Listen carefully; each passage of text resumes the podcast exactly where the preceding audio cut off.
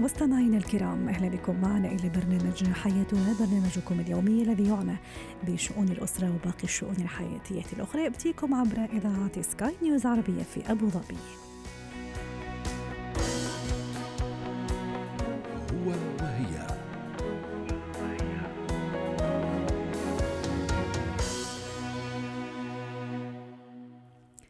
الصداقة بعد الطلاق هل هي وهم أم حقيقة؟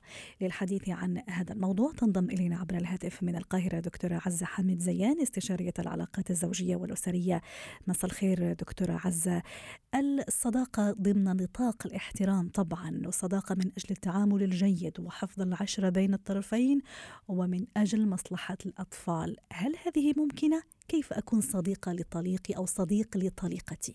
الأول أهلا وسهلا ومساء الخير أهلا بيكي موضوعنا النهارده مهم فعلا ويتوقف على حاجات كتير ويتوقف عليه كمان حاجات كتير. نعم. تعالوا الأول نسأل السؤال المهم هل ينفع فعلا نكون أصدقاء بعد الطلاق؟ آه ينفع طالما في ما بيننا أطفال. تعالوا نقول نحاول نبقى أصحاب ونحاول يكون ما بيننا علاقة طيبة ولكن بشروط معينة. نعم. آه الأول في حقيقة كده ما نقدرش نغفلها في مجتمعاتنا صعب نستوعب إنه يحصل طلاق كده من غير مشاكل فراق بهدوء وسلام. يعني كمان صعب جدا مجتمعاتنا تستوعب فكرة إننا نكون صحاب بعد الطلاق. مجتمعاتنا ولا حنا أيضا كمان كأزواج مطلقين؟ ربما عانينا من بعض ربما افترقنا بزعل بي يعني ما افترقنا بي يعني بهدوء زي ما تفضلتي في, في قبل شوي. صحيح إحنا جزء من مجتمعنا. يعني كلنا بنشكل مجتمعات. طبعا الطلاق بينهي العلاقة الحميمة والعلاقة العاطفية بين الزوجين ولكن المفروض باقي العلاقات بتبقى لأن فيه أبناء. عشان كده لازم نتعلم نكون أو يكون ما بيننا طلاق ناجح. وبقول طلاق ناجح. طبعا ده مصطلح جديد على مجتمعاتنا لأن عكس كده اللي هو الطلاق الفاشل بتكون نتيجته سلسلة مشاكل يكون ولادنا للأسف هم الضحايا أو الطلاق المدمر. أيضا. ده حقيقي. علاقة الزوجين بعد الطلاق وإنهم يبقوا اصحاب بتتوقف على ثلاث حاجات مهمة أو أربع حاجات مهمة خلينا نقول. نعم. إنهم يكونوا مستوعبين أصلا لأسباب الانفصال. كمان درجة صراعهم قبل الطلاق وبعده. آه مهم كمان نضجهم وادراكهم لدورهم الأساسي وإنهم يوفروا لاولادهم الأمان النفسي والمادي. كمان بيتوقف على إيه؟ أداء كل واحد لدوره وواجبه بعد الطلاق.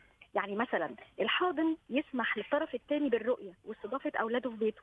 كمان الأب يتحمل مسؤولياته المادية من غير مشاكل ومحاكم ويشارك كمان في التربية. آه طيب في أساسيات كده هنقولها للمطلقين والمطلقات. نعم. من فضلكم بس خدوا بالكم منها في تعاملاتكم مع الطرف الثاني عشان تكونوا أصحاب أو على الأقل تعالي نقول يكون ما بينكم علاقة جيدة بعد الطلاق. اولا ما نلعبش دور المحرضين لأن للأسف بنلاقي كتير من المطلقين والمطلقات بيلعبوا اللعبة دي وبيدخلوا الأولاد في مشاكل ما بعد الطلاق. فمن فضلكم ابعدوا الأطفال نهائيا عن أي خلاف. تاني شيء عشان نكون أصحاب بعد الطلاق نتكلم مع بعض في حدود اللياقة والأدب. كمان ما نسمحش للخلافات القديمة إنها ترجع من تاني. يعني ما نفتحش من فضلكم أي موضوعات متعلقة بحياتكم السابقة.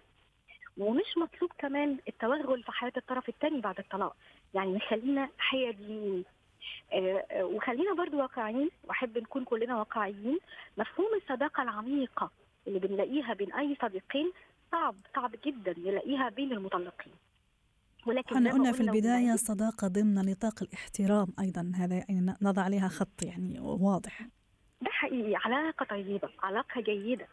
عايزة أقول كمان إننا لازم نكون مقتنعين أو كمطلق ومطلقة إنه لو الطلاق كان نتيجة لخناقات عنيفة وكراهية شديدة وظلم من طرف للثاني أو الحقيقة كمان يعني أو من الطرفين لبعض لأن في أحيانا الاثنين بيظلموا بعض بيكون صعب جدا إن إحنا نعمل أو نكون صداقة بعد الطلاق. كمان لازم الاثنين يكونوا مقتنعين أصلا بفكرة الصداقة بعد الطلاق. يعني لو طرف من الاثنين مقتنع بفكرة الصداقة والثاني مش مقتنع بنفس الفكرة ما, ما تنفعش الصداقه. مهم جدا كمان إنه ده يتم بعد ما الاثنين يهدوا وبعد وقت كافي وفترة كافية من الطلاق. لأن مش معقول ابدا إننا نطلب من زوجين بعد الطلاق إنهم يبقوا أصدقاء فورا المشاعر العاطفية أو حتى السلبية منها محتاجة الوقت عشان تروح أو تهدى مهم نعم. كمان لو عندنا وقت نحدد أهدافنا من صداقاتنا بعد الطلاق هل عشان الولاد هل في أهداف تانية؟ يعني شغل مشترك مثلا أو معاملات مادية ولا رغبة طرف تاني لإعادة أو يعني طرف آه، إن هو يعيد الحياة من تاني آه، الحياة الزوجيه بنقول مرة تانية. كمان آه، يعني في وقت ولا خلاص؟ إيش- يعني. ممكن نقدر نختم في نص نص دقيقة إذا حتى نختم أيضا اللقاء ست عزة. آه عشان آه، نختم نقول إنه عشان كمان نكون أصدقاء بعد الطلاق يعني لو إحنا مثلا هن- هيبقى في ما بيننا مقابلات الأفضل يكون بصحبة ناس تانية. لأنه لو كنا لوحدنا ده هيفتح باب أكتر لإن إحنا نفتح موضوعات وخلافات قديمة بين- بيننا.